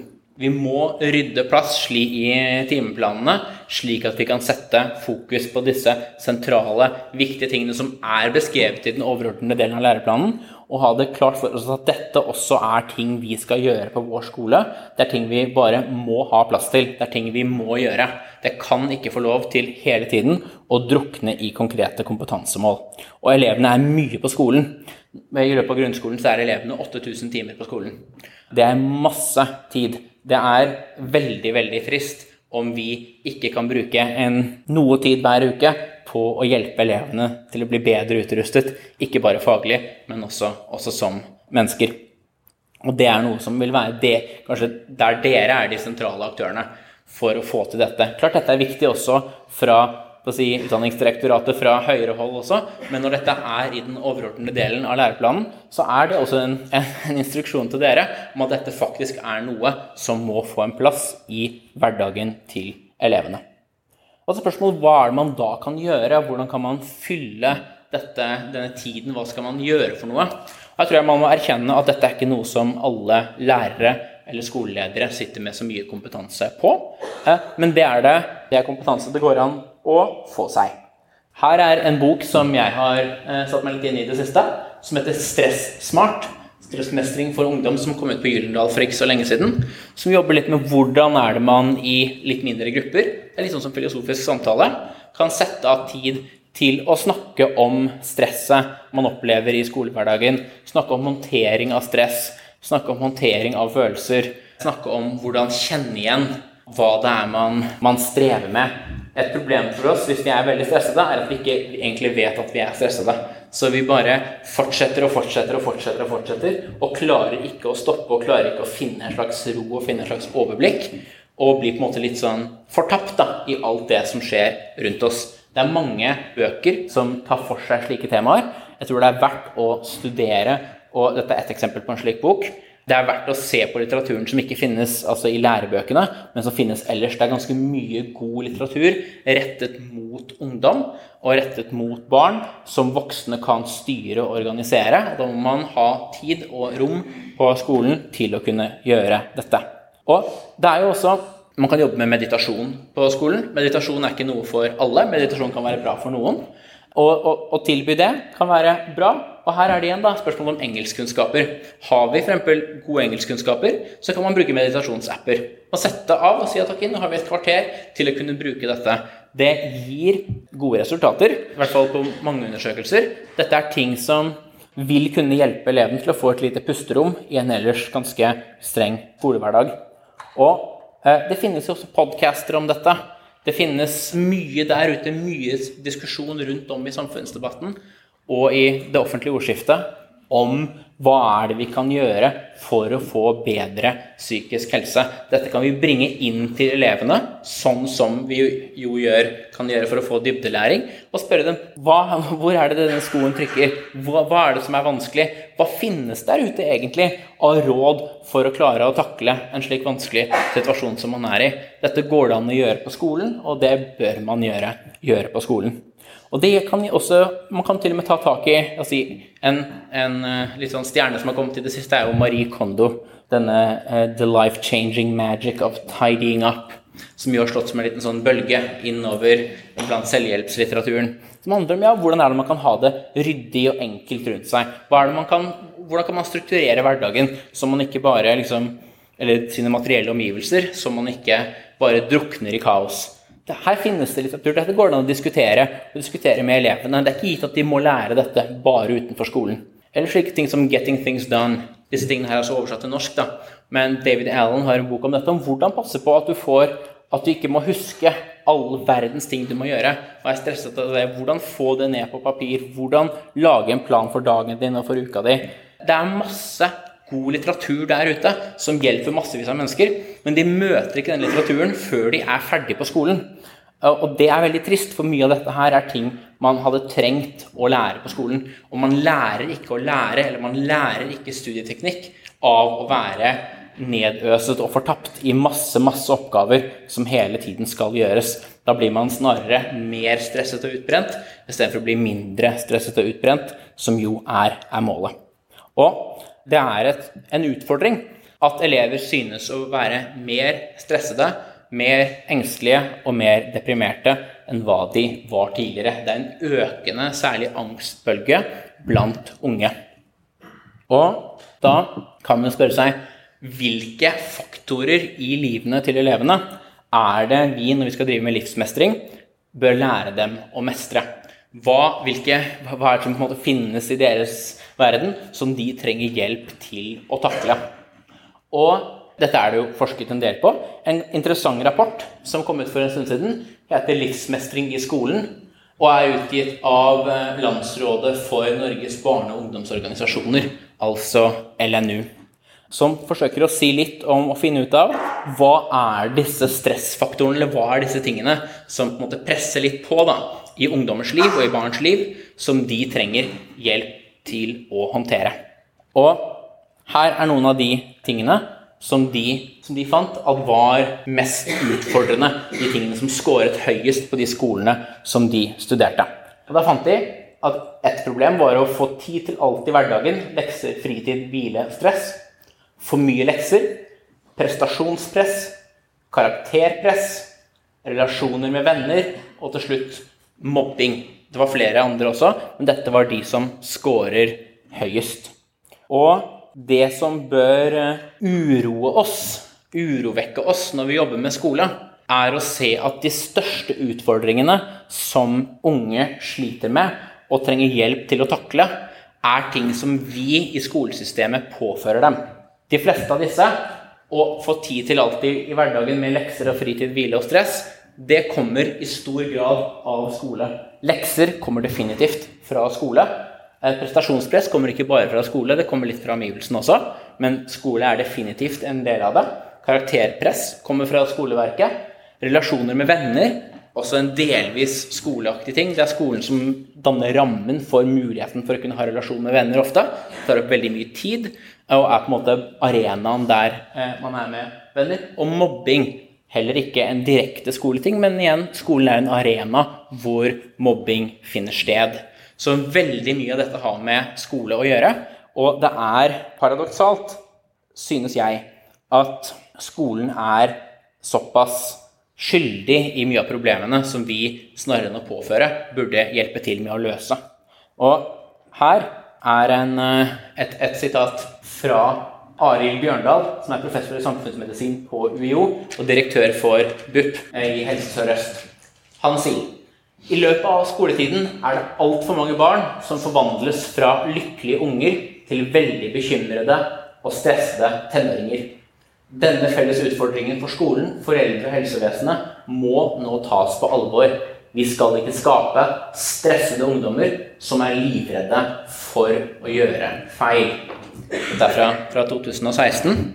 Og altså, se på et annet sitat fra Bjørndal sammen med, med to andre. Dette er da Trond Diseth, som er avdelingsoverlege ved barne- og ungdomsklinikken på Oslo universitetssykehus og professor i barne- og ungdomspsykiatri, og Arne Holte, som er fagdirektør på Folkehelseinstituttet. De skriver i en kronikk. Skolemiljøet, læringsmiljøet og lærernes skolehverdag må preges av helt andre ting enn tester, prøver og scoringer dersom de skal sende fra seg trygge ungdommer som har lært nok, som tør å gjøre feil, som kan skape nytt, og som med høy etisk bevissthet vil delta i samfunnsutviklingen. Barna skal stimuleres, men vedvarende stress truer deres grunnleggende behov for oversikt og forutsigbarhet, og får en direkte negativ innflytelse både på hjerneutviklingen og på læringen. Og dette er ganske harde ord, synes jeg, mot skoleverket og mot hva det er vi gjør i skoleverket. Og jeg tror at de har veldig mye rett i denne kritikken her sånn. Og jeg har lyst til å si litt om hvordan jeg tror nettopp skoleverket kan være en barriere mot den livsmestringen som vi nettopp ønsker for elevene. Så jeg kommer nok til å være hakket mer provoserende enn jeg var i første, første halvdel. En ting vi må spørre oss når vi skal snakke om hvordan er det hverdagen til barn og unge skal se ut, er hvordan er det hverdagen til barn og unge har sett ut opp gjennom mesteparten av historien vår. Det er klart, I mesteparten av historien vår har det vært forferdelig mye fælt. Vi er på et mye bedre sted i dag. Men det er interessant å merke seg at det barn tidligere har gjort, er for det første å være veldig mye ute.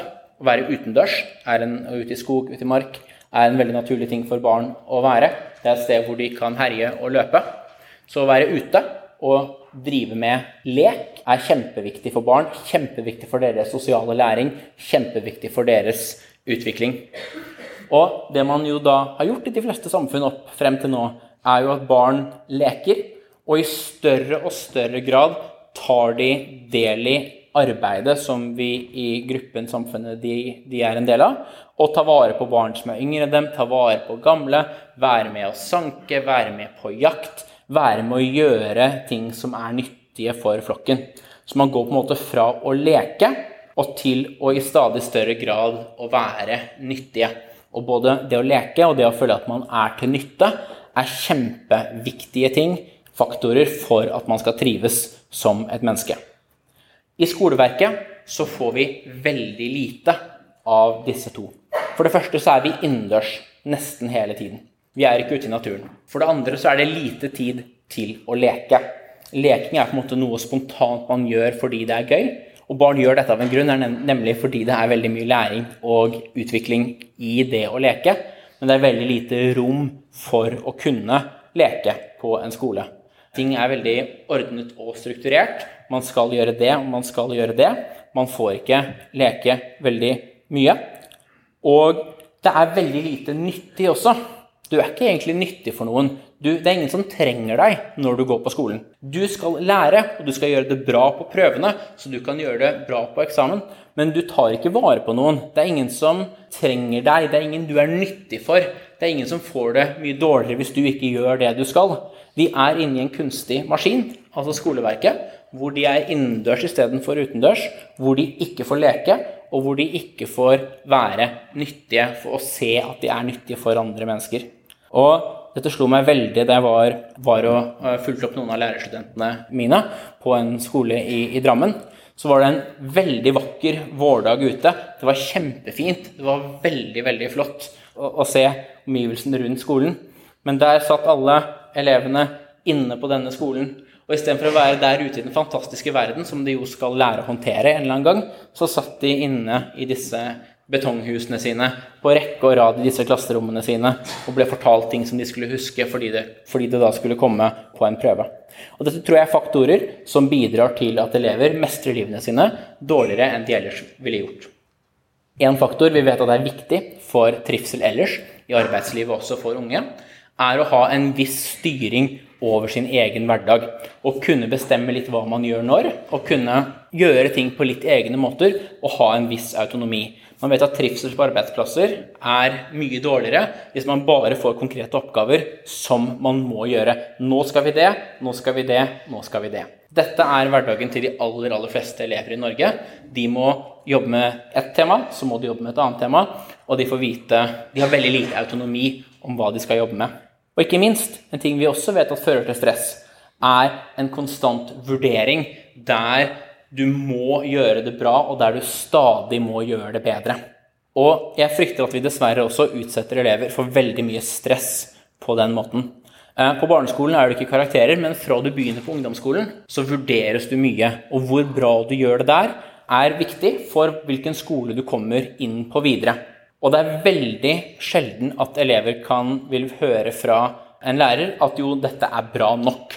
Nå er du bra nok, du gjør det du skal. Det er alltid noe å strekke seg etter. Du skal alltid lære litt mer. Vi kan alltid finne noen hefter på loftet hvis du er for god, slik at du kan få enda litt mer å bryne deg på. Men det er veldig viktig for oss mennesker for å kunne klare å slappe av og vite at ja, nå gjør vi faktisk noe bra nok. Nå er det bra, og når jeg er ferdig med dette, så kan jeg få lov til å hvile. Det er ofte vanskelig innenfor skoleverket, for du kan alltid gjøre mer. Du kan alltid forberede deg mer, du kan alltid lese bedre. Så det er vanskelig å få nettopp den tryggheten på at nå har jeg gjort mitt. Og ikke minst en annen ting vi også vet at ikke er så bra for psykisk helse, er å ta med jobben hjem. Når vi er ferdig på jobben, så er det fint å kunne slappe av. I skolen har vi lekser som gjør at elevene må ta med seg jobben hjem. Og sitte og bruke tid på kveldstid som kunne vært fylt av mer rekreasjonelle aktiviteter, som kunne vært fylt av lek, i stedet blir brukt til å måtte sitte og jobbe med skolearbeid enda noen timer.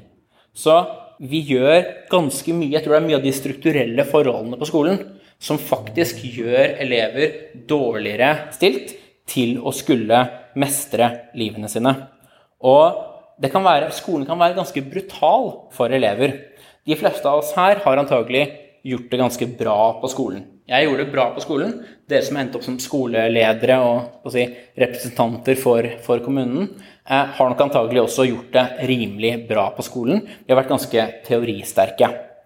Mange har kanskje vært lei av skolen selv om vi har vært teoristerke. Det har gjaldt meg, f.eks. Men likevel, vi har nok gjort det ganske bra i dette systemet.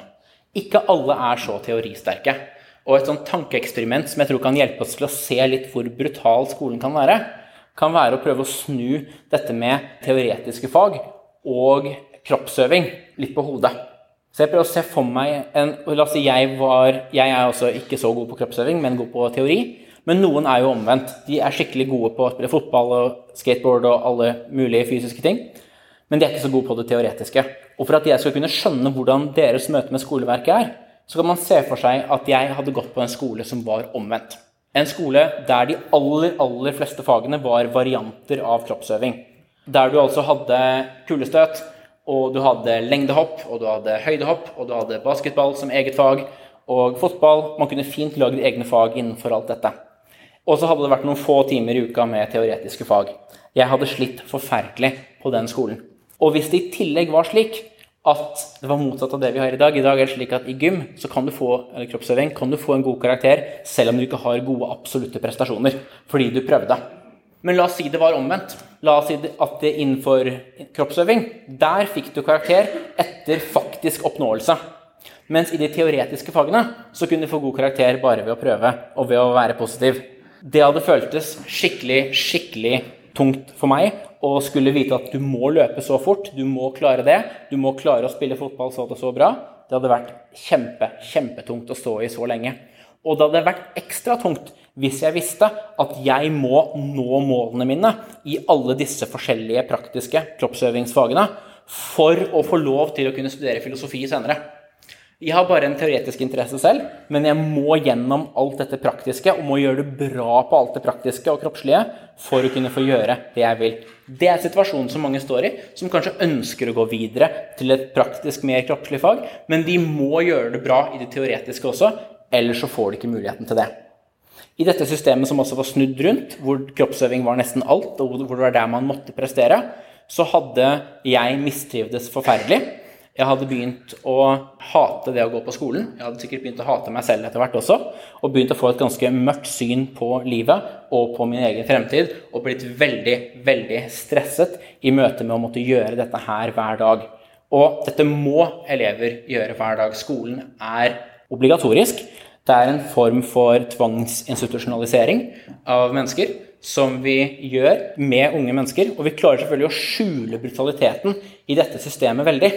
Men vi er ganske brutale når vi tvinger folk gjennom dette og vurderer så mye og lar de være innendørs så mye, får dem til å sitte stille så mye og ikke legger til rette for at de kan få god, sunn mat noe særlig.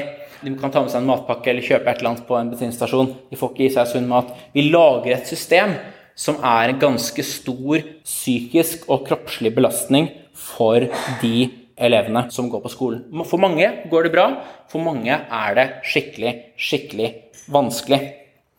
Og her er et, et sånn litt sånn charter som man kan, eller et bilde som man kan eh, se på, der det øverst står redsel, og nede står glede. Og eksempel på, på en måte redsel eller angstfølelser, og eksempler på gledesfølelser. Og vi kan ikke hele tiden være oppe på dette røde redselsområdet. Vi kan klare å være der litt, men for å kunne klare å være der, så må vi være nede på glede og føre, føle ro og håp og begripelighet, kjærlighet, kontroll, tillit, tiltro, det å selv ha makt, frihet. Dette er ting som vi trenger som mennesker for å ha det bra. Og vi lærer ikke å være i de vonde følelsene av å være masse i de vonde følelsene. Vi lærer å takle dem ved å nettopp ha de gode følelsene, slik at vi klarer å takle de vonde når de kommer. Og jeg frykter jo da at det skoleverket gjør, er å presse elever oppover mot den røde linjen her sånn, og oppover mot dette stresset, denne mistenksomheten, usikkerheten, angsten, uroen som man kan føle, og ikke gir denne trygge basen, denne flokken som man trenger å vite at man hører til, hvor man trenger å vite at man er, at man er bra nok. Og hvor man hele tiden blir sett utenfra og blir evaluert. Her er et lite dikt av Peter Hanke som jeg synes var litt slående, som sier litt om, om barndom. Da barnet var et barn, gikk det med dinglende armer, ville gjøre bekken til en elv og denne dammen til et hav. Da barnet var et barn, visste de ikke at det var et barn. Alt var for det besjelet, og alle sjeler var én. Da barnet var et barn, hadde det ingen meninger, hadde ingen vaner, satt ofte i skredderstilling, reiste seg og løp, hadde en virvel i håret og skar ingen grimaser til fotografen. Det jeg synes er fint med dette diktet, er at det viser denne, denne selvsagtheten og åpenheten og på si, mangelen på liksom selvbevissthet og mangel på det å se seg selv utenfra og bare kunne handle i verden og være trygg, det er noe barn virkelig trenger. De trenger ikke å være redde for at de må smile til fotografen. Det er nettopp dette utenfra-blikket. Man må passe på hva man sier og hva man gjør, for her blir man vurdert, og her vil noe være rett, og noe vil kunne være feil. Og vi må nettopp forstå at denne typen barndom da, er ikke noe vi bare trenger når vi er veldig små. Og det er heller ikke noe vi bare trenger på fritiden. Det er noe man trenger for å utvikle seg godt og ha det godt som et menneske. Og det er noe vi absolutt bør huske når vi skal utforme hva slags hverdag unge mennesker skal, skal ha. Så da er spørsmålet hva, hva er det vi da kan gjøre for å gjøre skolen mer human i en slik forstand, eller gjøre elevene bedre eh, skikket eller bedre utrustet til å kunne håndtere livet. Det vi da må gjøre, er å prøve å ha så mange vi går tilbake til denne plansjen her sånn, å ha så mange beskyttelsesfaktorer som mulig. Og prøve å skape så mange arenaer som mulig der det er disse grønne følelsene som gjelder, og ikke de røde følelsene.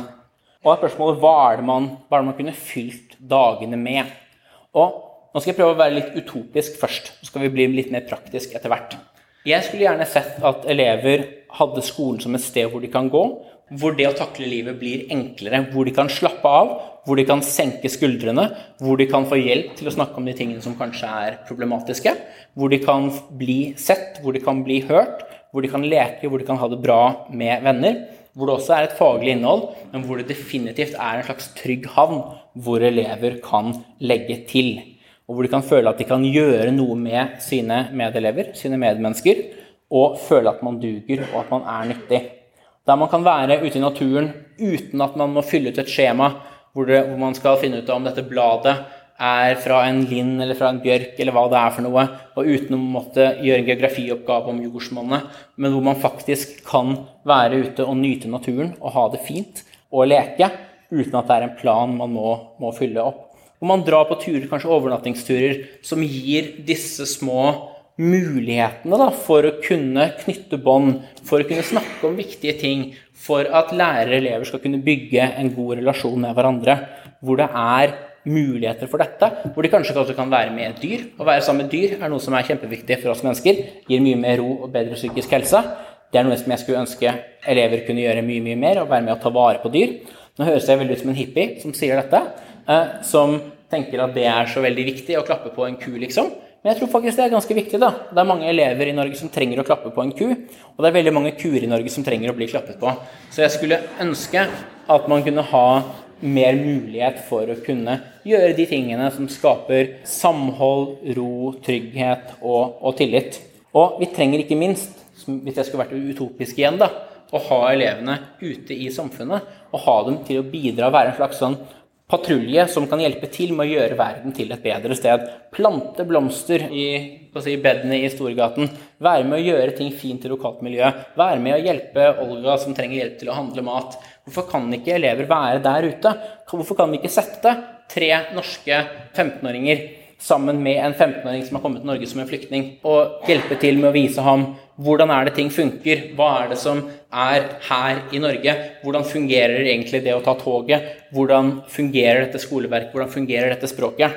Hvorfor kan vi ikke gjøre det? I stedet så sitter nå da de norske elevene og skal lære om eh, interkulturell kompetanse på skolen med en lærer som kan ganske lite om det.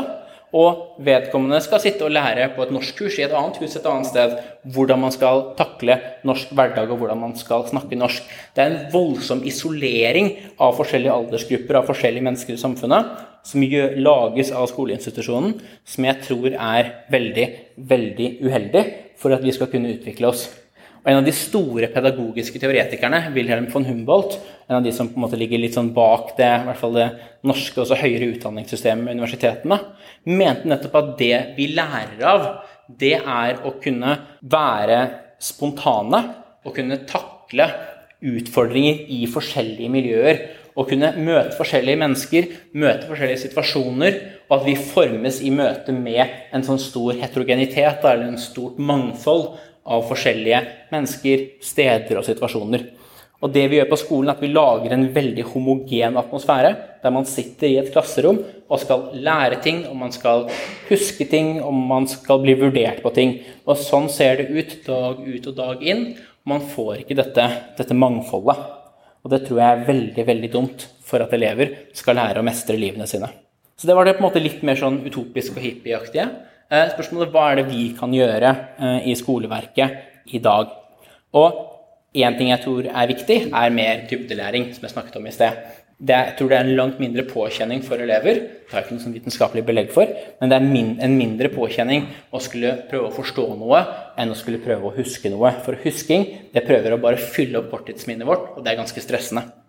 Jeg tror lekser er et stort problem for mange elever. Og det å ha en stor mengde lekser tror jeg kan være en stor, stor trussel for eh, elevers velvære. Jeg ville kuttet tilbake på lekser i den grad jeg kan. Leselekser, kanskje ting man kan lese hvis man leser en roman, men å ha mye oppgaver som skal gjøres hjemme etter man kommer hjem fra skolen, er jeg veldig, veldig kritisk til. En annen ting man kan gjøre, er at når elever er trøtte og slitne og lei, så er det veldig lett å se på det som at nå må de skjerpe seg. Eh, nå må de jobbe hardere. Og det kan være riktig at de må skjerpe seg og jobbe hardere, men når vi er engstelige eller er deprimerte, eller bare ikke orker mer av dette, så er det også et signal som forteller oss et eller annet om hvordan er det vi klarer å takle disse omgivelsene. Og skape mer rom for at elever kan si at dette er faktisk skikkelig vanskelig. Det er skikkelig komplisert for meg å prøve å lære dette her også nå, uten at det blir slått tilbake på at du er lat eller du lider av skolevegring tror jeg er kjempeviktig. Jeg tror det veldig, sitter langt inne for elever å bare kunne si at vet du, jeg, jeg mestrer ikke dette, det er altfor mye. Og det å på en måte å kunne skjønne at man, man, blir tatt på alvor da, hvis man sier det, og ikke bare blir sett på som late, det er noe jeg frykter at elever i norsk skole ikke alltid føler seg trygge på. For man har denne Man skal mestre skolen, og mestrer man ikke skolen, så er det ikke i utgangspunktet skolen det er noe galt med, det er en selv det er noe litt galt med. Nå må man skjerpe seg, nå må man få bedre rutiner. Og det å skjønne hvor svært dette læringstrykket kan være, da, og hvor mye angst det kan skape, det tror jeg det burde være mer rom for å også diskutere på, på skolen. Så det kan man gjøre. Man kan få inn folk utenfra på skolen, og få inn kanskje psykologer særlig, til å snakke om livsmestring, snakke om psykiske problemer, snakke om hva man kan gjøre for å håndtere eh, hverdagen sin. Det kan være en praktisk ting å gjøre. Man kan la være å være utrolig knipen med, med, det å kunne få fri hvis man skal reise på en tur et eller annet sted med familien. Ofte kan man lære vel, vel så mye av å være ute og reise som av å sitte på skolen og skulle lære noe. På mange skoler er det en stadig innstramming på det å skulle kunne få fri. Jeg syns det er problematisk, gitt hvordan vi, vi, ønsker at elevene skal utvikle seg. Og skape en del lommer eller rom, eller kanskje til og med dager, der elever ikke trenger å bli vurdert. Det kan hende at når du er veldig stresset Dette er en, sånn, en mekanisme man bør være klar over. Hvis man har et system der man har et voldsomt press hele tiden på å skulle prestere, så er det slik at hvis man da gir fri en time, eller ikke har det samme vurderingspresset, så kan man oppleve at folk bare slapper av og ligger og daffer seg. Så man må opprettholde trykket. Men da må man spørre seg er det fordi elevene i utgangspunktet er daffe, eller er det at de er i et system som har gjort dem så slitne at de trenger de, de hvileperiodene de faktisk kan få. Og jeg tror vi må være, Man må spørre seg da, hva er det som er grunnen til at elever idet de får fri, ikke begynner å lese i norskboka, men i stedet setter seg i en sofa sammen med andre elever, spiller, gjør et eller annet. Det kan være fordi de er late, men det kan også være fordi de har sterke tegn på utbrenthet. Og jeg tror ikke vi må på å si individualisere alle problemene i skolen. Det jeg frykter med skoleverket litt, er at når ting går bra, folk får en god utdanning, får seg en god jobb, så er det skoleverket som får fortjenesten av det. Se hva skolen har fått til. Så vi tilskriver godene som kommer, til systemet. Men hvis noe går dårlig, så enten det er mobbing eller det er skolevegring, så er dette mer et individuelt problem. Så vi individualiserer problemene. Og det er en litt skremmende ting å gjøre i et slikt system, for da kan ting være ganske, ganske fæle uten at vi griper fatt i dem, og uten at folk kan føle trygghet på at det blir, blir tatt på alvor. Her er ett sitat. Og her er det jo bilde av, av, en ungdom som sitter med sine opprevne bukser og tatoveringer på armen og en, en caps. Og teksten ved siden av sier Skolen feilet meg, og jeg feilet skolen. Jeg kjedet meg. Lærerne var som kommandanter i militæret. Jeg ville lære det jeg ville lære, men de ville at jeg skulle lære det som var på eksamen. Det jeg hatet mest, var all konkurransen og gym. Pga. det var jeg ikke verdt noe, og flere ganger var det diskusjoner om jeg skulle slutte. Jeg følte at lærelysten ble kvalt av lærerne mine. Karakterene var det eneste viktige. Og hvordan kan lærere forstå unge i et slikt system? Siden jeg var tolv år gammel, begynte jeg å mistenke autoriteter og ha mistillit til lærere. Er dette en holdning som noen dere kan kjenne dere igjen i og finnes i skolen? Har dere slike som han her sånn på deres skole? Nå står jo dette, denne teksten ved siden av bildet av han ungdommen der sånn, denne opprørske ungdommen som sitter der. Men det var ikke han som sa dette. Det var en annen som dette sitatet kommer fra. Dette sitatet kommer nemlig fra han her. Det er Albert Einstein som sa dette, eller skrev dette, om sin opplevelse med skoleverket. Om hvordan han nettopp ville lære, men ikke fikk lære, og opplevde skolesystemet som veldig autoritært og veldig vanskelig, og noe som kvalte lærelysten hans. Og det er interessant å, å snakke om, om, skole med folk som i utgangspunktet burde være veldig skoleflinke også. Jeg var gjesteforsker i Oxford en stund og hadde en samtale med akademikere der rundt lunsjbordet om deres opplevelse med skole. Og jeg har en jeg begynner å få litt følelsen av at man trenger å være ganske trygg på sin egen på si, faglige tyngde før man tør helt si at man opplevde skolen som ganske overveldende og ganske kjedelig, og det var mye man ikke egentlig skjønte. Og det var mye som bare gikk rett over hodet på en. Det mye man ikke klarte å følge med på. Jeg tror det er mange som føler at nettopp fordi man individualiserer problemene, at man er redd for å si at dette var faktisk skikkelig, skikkelig vanskelig. Men der fikk jeg jo da det inntrykket av at flertallet av de som eh, var der, hadde syntes at skolen var et veldig veldig kjipt sted å være, og veldig mye de genuint ikke skjønte. Og Det er også noe som jeg opplevde da jeg gikk på skolen. Jeg husker På ungdomsskolen så leste vi Per Gynt. Jeg skjønte absolutt ingenting. Jeg skjønte nada av Per Gynt. Og det var det ikke så lett å kunne si at man gjorde, for da kunne man jo få en dårligere karakter i norsk. Og jeg husker På videregående så leste vi 'Hellemyrsfolket' av Amalie Skram. Og jeg tror aldri jeg kjedet meg så mye. Jeg kjedet meg noe så infernalsk av å prøve å komme gjennom Hellemyrsfolket. Så mye at det tok flere år før jeg begynte å lese skjønnlitteratur på egen hånd igjen. Nå er jeg veldig opptatt av skjønnlitteratur og leser masse, men det å på en måte kunne si da, at dette, dette var helt forferdelig Kanskje Amalie Skram hadde vært bra for meg i dag. Det kan godt hende. Jeg føler litt sånn angst bare av å nærme meg det navnet. For det ble så mange kvelder med å sitte og lese disse nitriste skildringene som jeg nå skjønner at det er en, form for, det er en interessant sosialrealisme. Og, men det var jeg på ingen måte klar til å kunne ta inn over meg og glede meg over da jeg gikk på, på skolen. Og jeg syns det er interessant når vi skal forstå og prøve å se skoleverket litt utenfra og se hvordan er det skole er fremstilt i forskjellige kulturprodukter, i litteratur eller i film. Og jeg synes det er ganske, ganske slående hvordan skole blir fremstilt der. Det er veldig sjelden vi ser fremstillinger som forfattere, filmskapere har laget. Det er på en måte skolen. Det var det bra ved ungdomstiden. Det er klart ting kan skje i gangene, og man kan, kan stå på røykehjørnet og kline med en kjekk fyr som man likte, og det er på en måte på skolen, det også. Og det kan ha hatt betydning, men det er veldig sjelden vi hører om at bare det å gå på skolen, vanlig skole slik det er, er en veldig bra ting. Du har noen ganger hatt eksepsjonelle lærere som man kan fortelle historier om, men stort sett så er skolen en arena for frustrasjon og kjedsomhet. Hvis vi leser norske klassikere sånn som 'Gift' av Alexander Kielland, så er han ganske brutal med skoleverket. Jonas av Jens Bjørneboe er også veldig brutal med skoleverket. Og en spennende ting Har mange her sett Skam-serien? Den var jo, fikk masse oppmerksomhet for, for, to år siden eller tre år siden, eller hva det er. Og det er veldig interessant å se at alt det som beveger seg av det interessante i disse unge menneskenes liv, har ingenting med skolen å gjøre. Vi får ikke vite noe de lærer derfra. Dette er bare, Du har på en måte bakgrunnen, som er disse gangene, disse rommene og disse skapene de låser ting ut og inn av. Men selv i timene når man der filmer man ikke lærernes ansikter.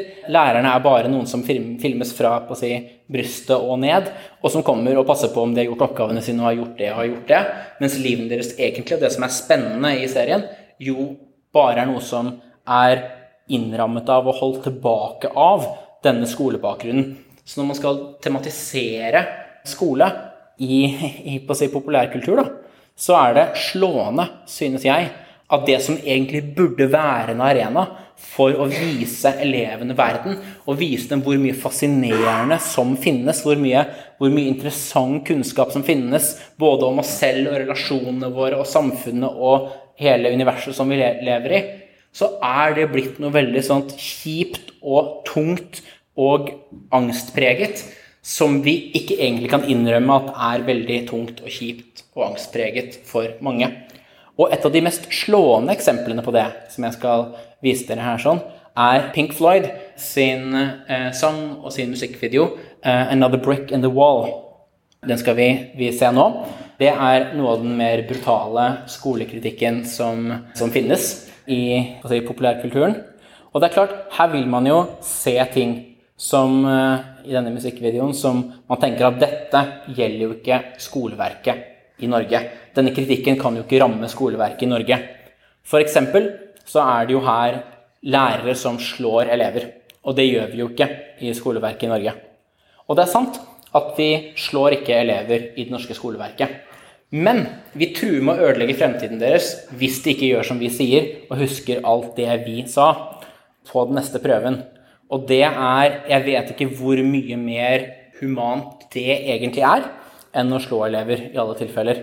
Fordi det å leve under det konstante presset og vite at nei, du får ikke lov til å gå videre til å kunne bli gravemaskinfører eller hva enn du skal bli, hvis du ikke følger med på det jeg sier, det er en mer skjult, mer psykisk måte å plage noen på. Og det er klart, jo mer ressurser man har, har i et system, jo mer makt man har, jo bedre kan man klare å fremstille sine egne makthåndhevelsesmekanismer, jo mer kan man klare å skjule sin egen maktbruk. Og jo mindre makt man selv har, jo vanskeligere er det å skjule sin egen maktbruk. Så det er klart, noen slår elever, men vi er ganske brutale med elevene i Norge også. Så det er en ting jeg vil at dere skal huske når dere ser den, så dere ikke bare avfeier det totalt. Og det andre at her ser vi lærere som er ganske sadistiske, ganske, ganske fæle mot elevene. Og de fleste norske lærere, de store flertallet av norske lærere, er på ingen måte eh, slemme eller sadistiske. Men en ting vi må huske, er at de lærerne finnes også. Eh, det finnes lærere i skoleverket med psykopatiske trekk. Og når vi lukker igjen klasseromsdøren, så vet vi ikke helt hvordan de lærerne, kanskje under mye kjedsomhet og press også, håndterer den situasjonen og håndterer elever. Det er en del slemme lærere i det norske skolesystemet, og det er kjempeviktig at vi klarer å beskytte dem mot disse. Så igjen, jeg tror det finnes lærere i Norge som er omtrent like slemme som de som vises her. Og jeg tror vi utøver en brutalitet som til tider er like brutal som det å slå elever. Så med de tankene i, i mente, så skal vi se den, så skal jeg si litt til, og så skal vi ha en diskusjon sånn som i sted.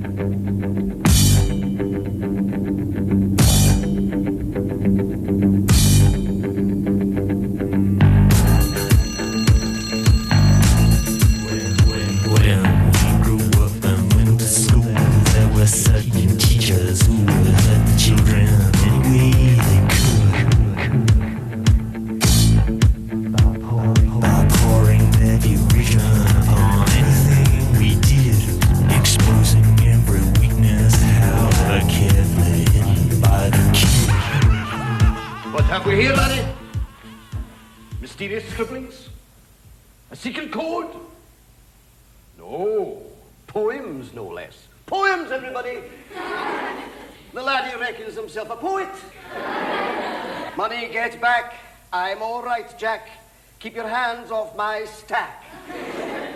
New car, caviar, four-star daydream. Think I'll buy me a football team. Absolute rubbish, laddies. Get on with your work. Repeat after me. An acre is the area of a rectangle whose length is one furlong and whose width is one cubit.